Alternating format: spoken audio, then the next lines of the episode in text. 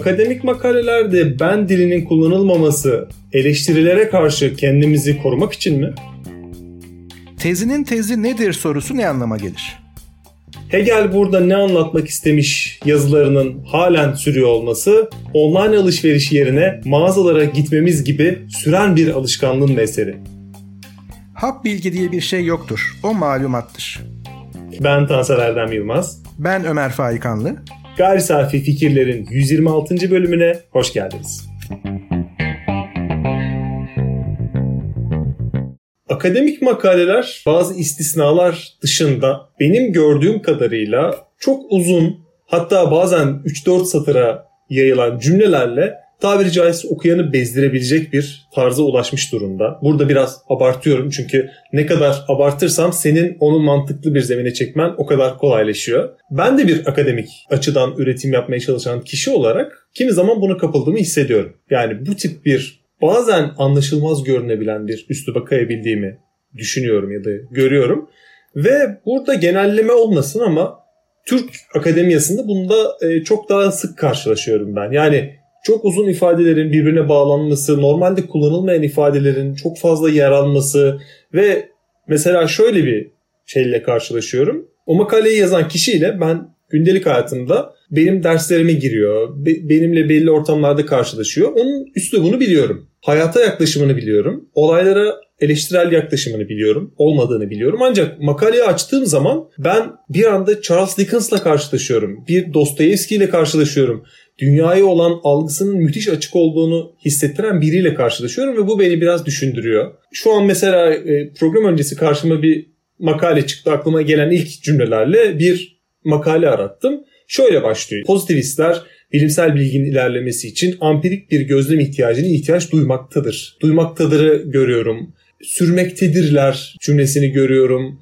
7-8 ayrı virgülle bölünmüş, sürekli tümseklenmiş cümleler görüyorum ifadelerde bir takım elbise görüyorum. Ama sorun şu bu kişinin takım elbise uygun vücudu yok. Yani bu cümlelerin incelerken bu daha farklı yazılabilirmiş dedirtiyor bana. Ve toplam okunmalarının bunların düşük olması vesaire gibi bir tartışma değil. Çünkü biz bunu geçen sezonun son bölümlerinde yapmıştık bu tartışmayı. Asıl amacı milyonların okuması değil, akademik bir üretime katkı sağlaması. Ama aynı konuda yazılmış İngilizce bir makalenin ilk cümlesiyle sadece başlıyorum. Şöyle başlıyor. In this paper I argued that the introduction of the term paradigm diye başlıyor. Öncelikle kurduğu bir ben dili var ve ben bu ben dilini Türk Akademiyası'nda hiç görmüyorum. Bu arada ben de bunu çok zor oluşturuyorum. Yani deniyorum ama ya sanki bir şey yanlış yapıyormuşum diyorum ve vazgeçiyorum. Belki buradan başlayabiliriz. Akademik makalelerin, akademik üretimlerin dillerinin katı olması bunun kökünde sen ne görüyorsun? Ya da bu gerekli mi? Belli ki bir gerekliliği var. Ya da ben kendi sorumla bunu güncelleyeyim. Ben dili. Ben dilini biz neden akademide göremiyoruz? Belki şu olabilir. Ben önden bir mini açıklama vereyim. Sen o açıklama üzerinden tezini belki paylaşabilirsin. Ben dili kurmak o ifadeyi ya da kurulan ifadeleri kendi üzerimize almak gibi görünüyor bana. Hani biz o akademik içeriği üretirken bir çekingenlik mi görüyoruz da o ben dili bir yerde e, atıflarla ya da belli başlı kişilerin anılmasıyla kendimizi koru korumaya almamızın bir yolu mu? Böyle çok genel bir ovaya yayılmış soruları senin ordularınla, argüman ordularınla karşı karşıya bırakıyorum. Aslında dediğin gibi yani problem tespitlerin kesinlikle geçerli ve doğru ama genelliği bazı böyle katmanları görünmez kılıyor. Yani birden çok katman var senin yaklaşımında. Şimdi bunlardan ilki şu. E, akademik makaleler derken hangi alandaki akademik makaleleri baz alacağız? Biz tabii ki hani felsefe ağırlıklı veya sosyal bilimler, beşeri disiplinler e, ağırlıklı baktığımız için e, biz bunları baz alıyoruz ama mesela diyelim ki bir temel fizik veya da bir tıp veya farmakoloji makalesini anlamadığımızda ki anlamadığımız şey formülasyonlar veya temel tanımlar, kavramlar olacaktır. Çok da rahatsız olmuyor çünkü şunu söylüyoruz yani ben tıpçı değilim.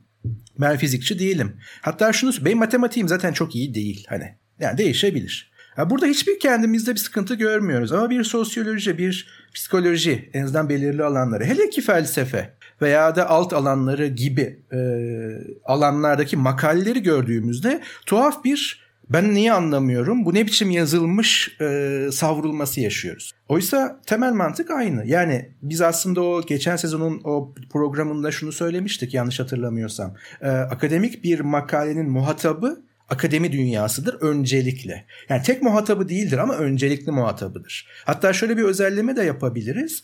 O akademi dünyasının o makalenin yazıldığı alt alanının uzmanlarıdır. Yani tamamı da değildir. Örneğin felsefe alanında Hegel teorisiyle ilgili bir problem hakkında yazıyorsanız birinci muhatabınız Hegel'i bilen, bu problemin farkında olan hatta bu problem üzerine kafa yormuş, çalışmış, araştırma yapmış insanlardır. Tekrar ediyorum öncelikle. Şimdi biz bu öncelik grubunda değilsek zaten anlamamamız e, olağandır ilk elden. Yani aynı bir temel fizik veya tıp veya farmakoloji veya bir doğa bilimleri makalesini anlamadığımızda kendimize e, görev edinmiyorsak veya da isyan bayraklarını açmıyorsak aynı durumdayız. Ama ikincisi muhatabı olduğumuz halde anlamıyorsak durum ne olacak? Bir kere her şeyi anlamak zorunda değiliz. Her şeyi anlayabilir durumda değiliz. Benim e, doktora tezimin ve çalışma alanımın önemli bir parçası veya da odağında olan bu bilim savaşları meselesinde Alan Sokal'ın bir yaklaşımı vardır. Ben onu çok severim, her yerde kullanırım.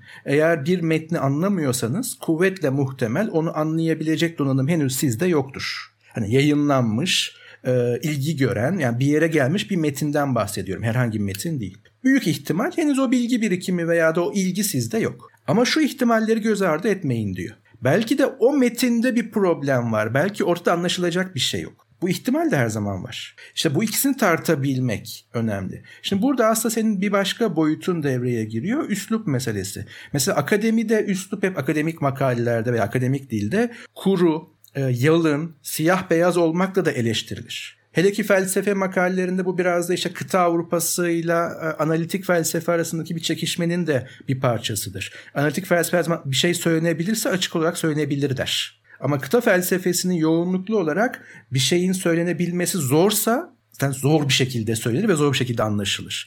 Zaten anlatabilsek anlatırdık durumu vardır. O yüzden metaforlar kullanılır, uzun cümleler kullanılır. Yeni bir dil icat edilir adeta. Hani Heidegger'i hatırlayalım. Ama şimdi bu bunun ötesinde acaba üslup özgürlüğü akademik dilde var mı? Hayır ya benim bir üslubum var. Ya bir bilgi birikimim var. Sonuçta bir akademik makale epistemolojik bir konum alıştır. Yani son e, katmanı da buradan bağlayacağım. Ya bir tezinizin olması, bir savınızın olması gerekir.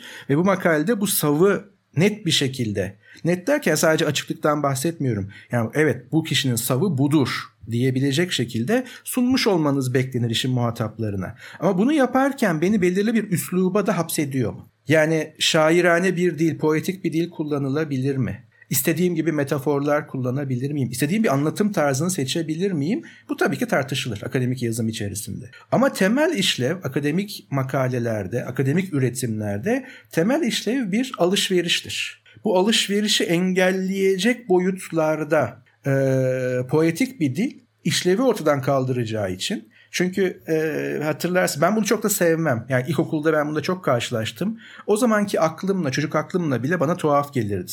Hani bir şiir vardı ilgili derslerde. Altta sorular şöyleydi. Şair burada ne demek istemiş? Ve bunun bir açıklaması olurdu. Şair bu dizelerle işte ülkesini çok sevdiğini ifade ediyor. Ya zaten o dizeler normal dile yani düz yazıya transfer edilebiliyorsa kayıpsız veya böyle bir açıklama gerektiriyorsa ve bu açıklama tekse e o zaman orada şiir yok demektir. Tabii o zaman bu cümleyi bu şekilde kuramıyordum ama bir problem olduğunu fark ediyordum.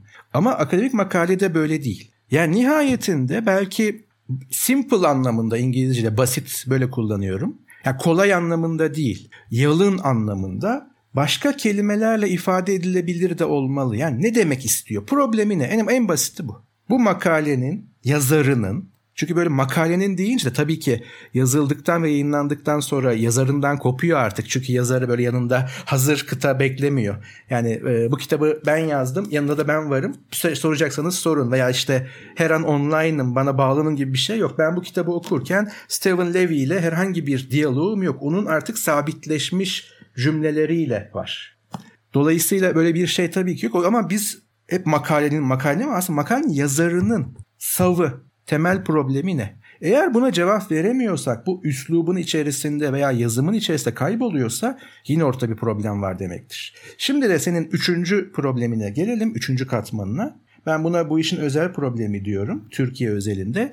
Yani ben demek zorunda değiliz. Evet ben de bunu çok sık karşılaşırım. Ee, ben üniversitede araştırma yöntemleri dersini veriyorum. Ama hani ismi yanıltmasın. İşte fenomenoloji, dekonstrüksiyon gibi yöntemler değil felsefe alanında. Veya niceliksel, niteliksel gibi değil. Akademik yazım dersini veriyorum lisans üstünde uzun yıllardır. Aslında burada bir tane açayım. Yani uzun yıllardır tabii Türkçe güzel bir kullanım da hani yıl 365 gün.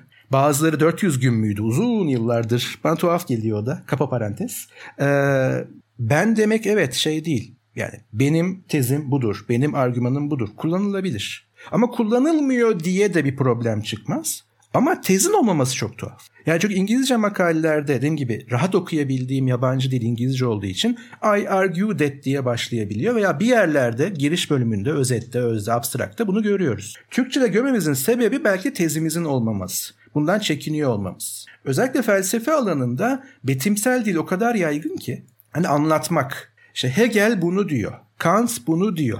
Ee, yani ben kimim ki? Ben onu sadece biraz daha açıyorum. Ama şey bana tuhaf geliyor. Aynı yere bağlayacağım. Yani şair burada şunu demek istemiş gibi. Platon burada şunu demek istemiş demek bana tuhaf geliyor. Çünkü Platon zaten ne demek istemişse dedi.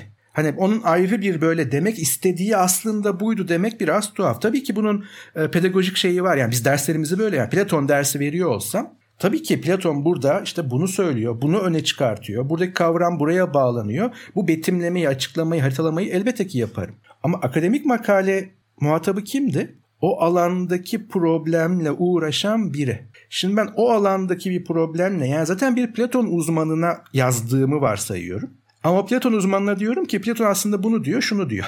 E o zaten biliyor olması gerekir tanım gereği. Peki ben bilen birine tekrardan bilgi aktarmaya çalışıyorum. Buna malumat diyelim. Şimdi temel problem bu. O yüzden tezin ne? Belki bundan önce karşı şey yapmışızdır, dillendirmişimdir ben. Ee, benim lisans hocalarımdan e, şu an bu dünyada değil, hani rahmetle analım bir yandan da. E, Sabri Büyükdüvenci hocanın her tez savunmasında sorduğu standart bir soru vardı. Tezinin tezi ne? Güzel bir kelime oyunu gibi görünmekle beraber bunu tekrar bir re- revize edersem şuydu. Senin bu hazırladığın yüksek lisans veya doktora tezinin temel savı nedir? Önce bana bunu söyleyebilir misin? Neyi öne sürüyorsun? Neyi savunuyorsun? Çünkü belki dile oturmasının anlamı da budur. Tez savunması. Aslında her bir makale küçük bir tez savunması veya küçük bir problem aydınlatması. Yani burada böyle bir problem var e, ifşaatı veya deklarasyonu. Şimdi bunu yapabilmek gerekiyor. O zaman şöyle özetleyelim. Bir, Akademik makaleler zaten muhatabına yazılır. Eğer siz o muhatap değilseniz anlamamanız doğaldır. Size göre yazılmasını bekleyemezsiniz. Yani akademik makaleler bir başka tartışmanın parçası gibi halkı bilgilendirmek için yazılan bir şey değildir. Bilgiyi ilerletmek için yazılan veya bilgiyi diyaloğa sokmak için yazılan bir şeydir. Ha, sonraki ürünleri mesela popüler yayınlara dönüştüğü zaman aynı üslup devam ediyorsa problemli. İkincisi e, hangi alanda yazıldığı önemlidir. Nasıl ki temel fizik ve tıp alanındaki bir makalede kuvvetle muhtemel matematik veya formülasyonları bilmeniz gerekiyorsa veya deney araç gerecinin ne olduğu nasıl kullanıldığını bilmeniz gerekiyorsa sosyal bilimler veya beşer disiplinlerde de belirli kavram setlerine veya belirli tarihsel bilgiye ihtiyacınız vardır. Ön bilgiye, ön malumata. Özel problem evet Türkiye'de bunu biraz daha açarız. Tezimizi neden sahiplenmiyoruz. Yani tezimiz yok. Bu bir problem. Sosyal bilimler ve beşeri disiplinler için söylüyorum. Ama özellikle felsefe için. Ama bir probleme daha parmak basıp pası sana atayım. Bir de çok daha genel bir problemimiz var makalelerden bağımsız olarak. Biz acaba okuduğumuzu anlıyor muyuz? Yani herhangi bir şey. Ya biliyorsunuz bununla ilgili testler e, var. Yani kendi dilinde okuduğunu anlayamayan bir toplum olmaya doğru gidiyoruz. Bakın biz belki benim çocukluğumdan beri sürekli bir İngilizce eğitimi var. Çok uğraşıyor Rus yani her yerde. Ama en zor öğrenenlerden biriz hiçbir eksiğimiz yok. Ya bu kadar çok İngilizce veya yabancı dil dersi alıp bu kadar az pratik yapabilen, bu kadar az konuşabilen, realize edemeyen sınırlı sayıda insanlarız belki de. Şimdi bunu geçtim. Yani yabancı dilde bir şeyi öğrenmek, okumayı geçtim. Kendi ana dilimizde okuduğumuzu ne kadar anlıyoruz? Şimdi bugün e, tesadüfen yine şöyle ufak bir parantez açayım belki bazen buralardan giren izleyici ve dinleyicilerimiz artık YouTube'da da olacağımız için e, nasıl hazırlandığımızı bilmiyorlardır. Çok kısa biz konuyu belirleyip akışına bırakıyoruz. Yani bir tabii ki ön hazırlığımız zihinsel olarak var ama bir metnimiz, bir akışımız o anlamda yok. Ee, bugün de böyle tesadüf etti bu konuyu e, belirledikten sonra. Doğru mu tabii ki araştırmak gerekiyor ama şöyle bir küçük video gördüm. İngiltere'de e, yani Britanya'da Birleşik Krallık'ta ilkokuldan üniversiteye kadar okutulan veya da kullanılan ders kitaplarında toplam 70 bin sözcük kullanılıyormuş İngilizce içerisinde. Yani 70 bin ayrı sözcük. İlkokuldan üniversiteye kadar okutulan müfredat kitapları diyelim. Türkiye'de bu sayı 10 binmiş. Şimdi biz bunun kaçta kaçı düşünüyoruz? Yani hepsini aktif kullanıyor değiliz. Yani sözcüğü tanısak bile düşünce modlarımıza belki girmiyor. Ya belki %20 desek 2000 sözcük düşünen, konuşan, meramını aktaran bir şeyiz. Topluluğuz büyük bir ihtimalle. Eğer bu veriler doğruysa. Şimdi 70 bin sözcükle eğitim almış kendi dilinde. 70 bin ayrı sözcük. Ve düşünebilen biriyle yani orada bile %10, %20 yapsanız 14 e, bin sözcük yapar. 2000 sözcük düşünen birini düşünün. Şimdi toplum içindeki katmanlaşmayı düşünün. Hani akademisyenlerin hiyerarşi anlamında değil ama işlerinden gereği, profesyonellikleri gereği daha çok kelime haznesine sahip olduğunu ve daha geniş düşünebildiğini varsayarız. Doğru mudur? Akılır ayrıca. E şimdi bununla yani 20-30 bin sözcük haznesiyle bir şeyi anlatan biriyle 2 bin sözcük haznesi olan ve ben anlamıyorum diyen biri karşılaşıyor. Şimdi ne yapacağız? Hangisini yani birini aşağı mı çekeceğiz? Sen bu 10 bin sözcüğü 2 bine bir uyarla bakayım tercüme et. Şair bunu demek istemiş mi diyeceğiz? Yoksa 2000 sözcükle düşünen ve dünyayı idare edenle biraz sözcük mü kazandıracağız? Ama bu o kadar kolay değil. Yani soruyu biraz düşünüyordum. Çünkü hem diller arasında bir zenginlik farkı var hem de bu zenginliğin şöyle bir ayrımı var bana kalırsa. O ders kitaplarını ya da o çalışmaları üreten insanların da belli bir ortalamanın üstünde ya da belli bir kaygıda olmasını insan bekliyor. Ben kendi eğitim hayatımı düşündüm sen bahsederken. E, ders kitaplarının ya da e, o içeriklerin o işi sevmeyen insanlar tarafından yapıldığını düşünmüştüm hep. Hemen şöyle bir araya gireyim. Yani yanlış anlamı olmasın. Sen onu kastetmedin ama Türkçe ve İngilizce dil arasında bir fark yok. Yani dil zenginliği, İngilizce çok zengin bir dil ama Türkçe fakirleşmiş veya fakir bir dil değil. Hatta potansiyelleri belki daha yüksek bile olabilir. Bunu dil bilimciler çok daha iyi tartışır veya anlatır.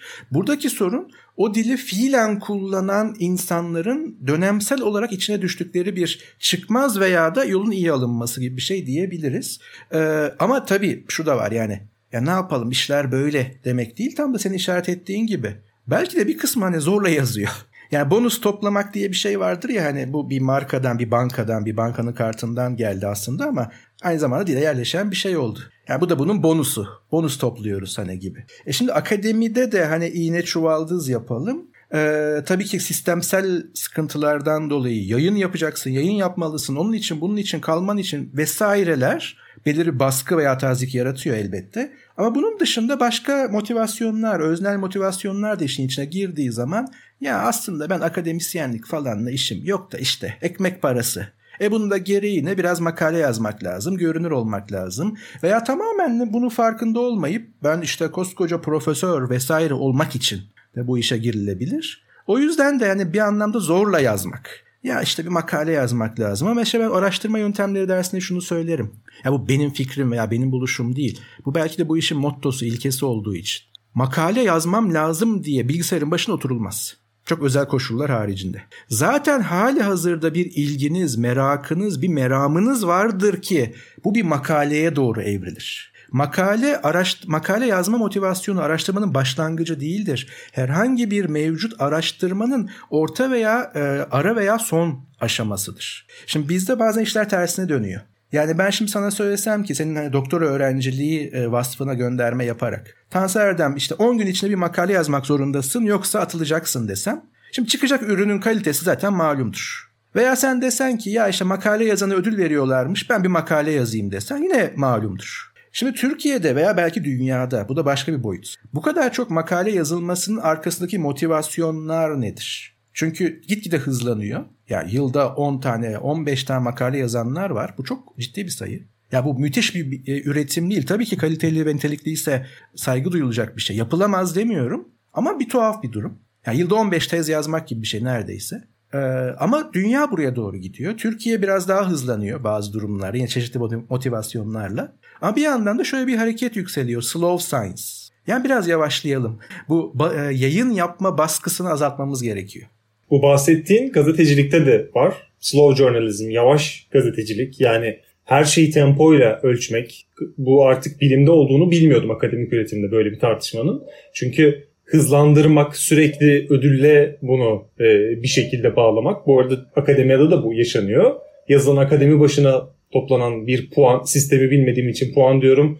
Gelen teşvik vesaire vesaire bunların da aslında insanlarda yaşattığı bir etki var. Çünkü e, insanların ya da akademiyada olan insanların büyük bir kısmının orada olma sebebi, orada e, çalışmalarını yürütme sebebi bir şekilde onu bir akademik çalışmadan ziyade maaş olarak da görmeleri.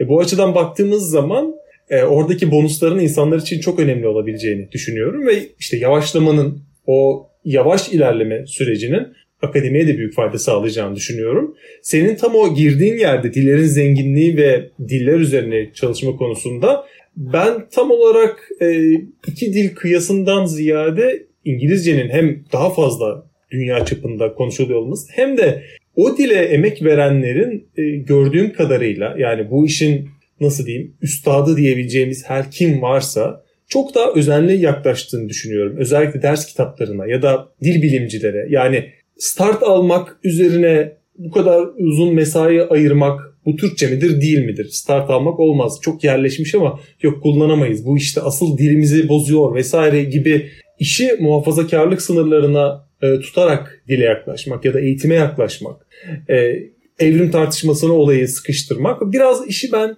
e, tavsadığını düşünüyorum. Özensizleştiğini düşünüyorum. O yüzden öyle bir kıyasa girdim. Ve sen şeyden bahsederken Hegel ne anlatmak istiyor? Şair burada ne anlatmak istiyor tartışması gibi. Hegel'in ne anlatmak istediğini in, incelemek, birinden bunu okumak bana şey gibi geliyor. Online alışveriş çıktığında çoğumuz şüpheyle yaklaştık. Ya acaba olur mu bu iş, nasıl yaparız vesaire diye düşündük ama gidip bir mağazada çalışanların yorumlarıyla ya da bizi hızlıca bir şey almaya itmeleriyle uğraşmak yerine ya ben açayım karşıma yorumlara bakayım yabancı ne demiş Türk ne demiş bunları bir kıyaslayayım denem denenmiş mi bu ürün onu bir inceleyeyim. Yani şöyle bir klasik yorum vardır. Bize hiç şikayet gelmedi mağazaya gittiğinizde. Bu, bu konu hakkında birinin şikayet gelmemesi aslında onun yalan olduğunu gösteriyor. Çünkü kimse gelip bu böyle sorun yaşattı ama iade etmiyorum demez. İade edildiğinde de büyük ihtimalle sorun başka yerdedir. Yani bizim aslında online mağazacılığa geçmemizin sebebi dürüstlüğe ulaşmaktı bir yerde. Ama hala mağazalar açık. İnsanlar AVM'lere, mağazalara gidiyor. Bazen biz de gidiyoruz. İşte tam olarak bu. Orijinal kaynağa ulaşamayanların olması, orijinal kaynakla uğraşmak istemeyenlerin olması, orada hap bilgiye ulaşmak isteyenlerin olması bu mümessilliği bence hala yaşatıyor. Onun yaşamasına e, sebep oluyor. E, ve bir şekilde de bizim şu an bu teknolojiyi tıpkı ana dilinden ya da ana kaynağından okumamız gibi bazı insanlar için de o ikinci el bilgiler e, sürecek. Ve senin söylediğin şey çok ilginçti. Ben bunu hiç düşünmedim. I argue that yani ben şu tezi savunuyorum o Türkçe makalelerde görmemek, bir mümessillik görmek. Yani okuyamayanlar vardır. Ben onlara bir abilik, ablalık edeyim diyerek fikirleri anlatabilmek. E, halen yaygınmış gibi. Bu çok ilginç bir şekilde denk geldi. Bir kitabı, kitap üzerine yorumlara bakarken şunu görmüştüm. Her akademisyenin Türkiye'de kariyerinin bir noktasında yaptığı gibi bu akademisyen de alanının tarihini yazmıştır diyor. Yani o alanda yeni bir fikir üretmek yerine çok fazla işte felsefe tarihi, astronomi tarihi, e, bilim, biyoloji tarihi vesaire vesaire. Burada örnekleri genişletiyorum tek bir olaydan bahsetmediğim için. Bu bana şunu anımsatıyor. Ders notlarını birleştirip, anlattıklarını birleştirip, biraz daha geliştirip tarihsel olarak o açıklamayı, o şeyi anlatmak aslında bir argüman ya da bir test sahibi olmamakla da bağlantılı. Yani birileri anlatmış ben bunları en iyi derleyenim. Ya da bu tezleri en iyi sizinle paylaşabilenim. Siz anlamazsınız size ben en iyi bunu anlatırım ama yeni bir fikrim yok. Bu açıdan baktığımız zaman da e, I argue that tartışmasının o ben dilinin girmemesinin bir sebebi de gerçekten tezimizin olmaması olabilir. Burada son bir belki dokunuş yapıp senin fikrini alacağım. Ardından da belki bölümü sonlandırırız. Bu konuyla ilgili yapılan somut bir çalışmayla karşılaştım. Çalışmanın tam adı zaten bizim bu tartışmamızla ilgili. E, İngilizceden Türkçe'ye çeviriyorum. Zaman geçtikçe son yıllarda akademik makalelerin okunurluğunun azalması. The readability of scientific texts in is uh, decreasing over time. İngilizcesi de araştırmak isteyenler için. 700 bine yakın makale incelenmiş bu çalışmada. 2015 öncesinde neredeyse 100 yıllık bir geçmiş incelenmiş ve şöyle bir sonuca varılmış. Bu arada bunlar tıp ve biyoloji alanında yazılan makaleler üzerinde. Sosyal bilimler bunun içinde yok. Başlıklar ve özetler gittikçe uzamış. Sebebini bilmiyorum. Belki makalelerin e, yayınlanacağı dergilerin ya da yayın organlarının beklentisi bu yöndedir. Ya da aramalarda daha net buluşabilmek için yapılmıştır. Bunun ben bir gösterge olup olmadığından tam emin değilim. Senin yorumuna muhtaç burası. İkinci kısmı 1960'tan bu yana yayınlanan çalışmaların büyük bir kısmı cümlelerini uzatmış. Cümleler sürekli uzamış. Tüm dünyada cümlelerin uzadığına dair bir tez var. Ve bu şunu getirmiş beraberinde. Okunaklılıktan ziyade uzun cümleler ve uzun zor kelimeler içeren bizim bu bahsettiğimiz zorlaştırılmış, ilginç, zorlaştırılmış bence doğru kelime. Çünkü zor kelime zaten zor olan kullanılır. Zorlaştırılan ifadelerin olduğu makaleler daha az atıf alıyor. Yani akademide yapmasını amaçladıkları ya da e, murad ettikleri şeye ulaşma olasılıkları da azalıyor. Kendi çalışma arkadaşları arasında da bu makalenin talebi azalıyor. Yani herkes okumasın bu makaleyi tamam ama kendi alanındaki insanlar bunu okuyup bundan beklediklerini de alamaz olmuşlar. Ve e, çok ilginç en fazla alıntılanmaya sahip olan makalelerin başlıkları da en fazla 10 kelimeymiş. Böyle bir sonuca ulaşmışlar. Bu tabii ki tıp ve biyoloji alanında yapılan çalışmalarda ortaya çıkmış. E, bu araştırmayı da görünce acaba buradan ne çıkarmamız gerekiyor ya da buradan bir şey çıkarmayıp ilginç bilgiymiş deyip yolumuza mı devam etmemiz gerekiyor?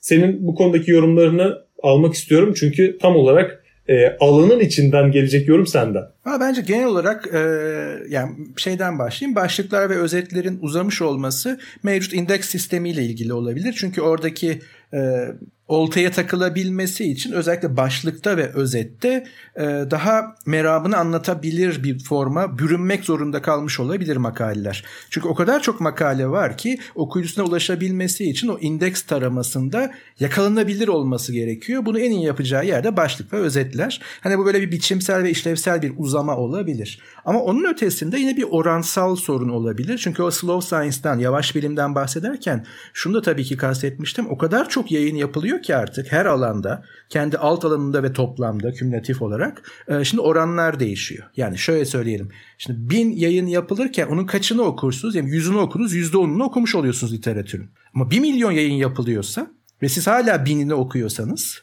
çünkü bir zamanınız ve enerjiniz var. Oran çok düşüyor. Okunmamış makale sayısı çok çok artıyor. Yani e, doğru bir tabir mi emin değilim ama piyasaya sürülen ürün çok fazla olunca tüketilen oran düşüyor.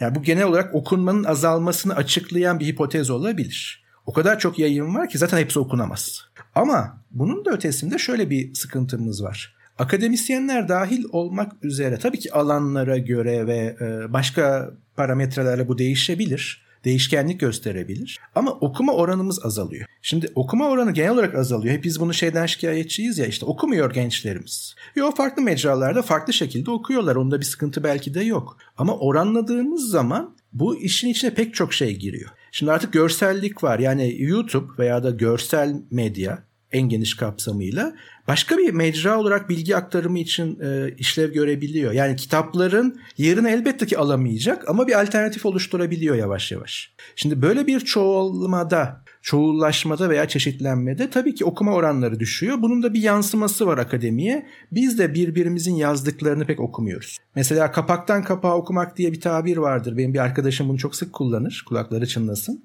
Kaç tane akademik dergiyi kapaktan kapağa okuyoruz. Artık bu ihtimal daha da düşüyor çünkü akademik dergiler online sisteme geçtikçe biz nokta atış makaleler okumaya başladık. Yani bir dergi işte bu yeni sayısı çıkmış X derginin. Dur şu makaleleri bir okuyayım diyeceğimiz zaman da değişiyor. Çünkü genel zaman yönetimimiz değişmeye başladı.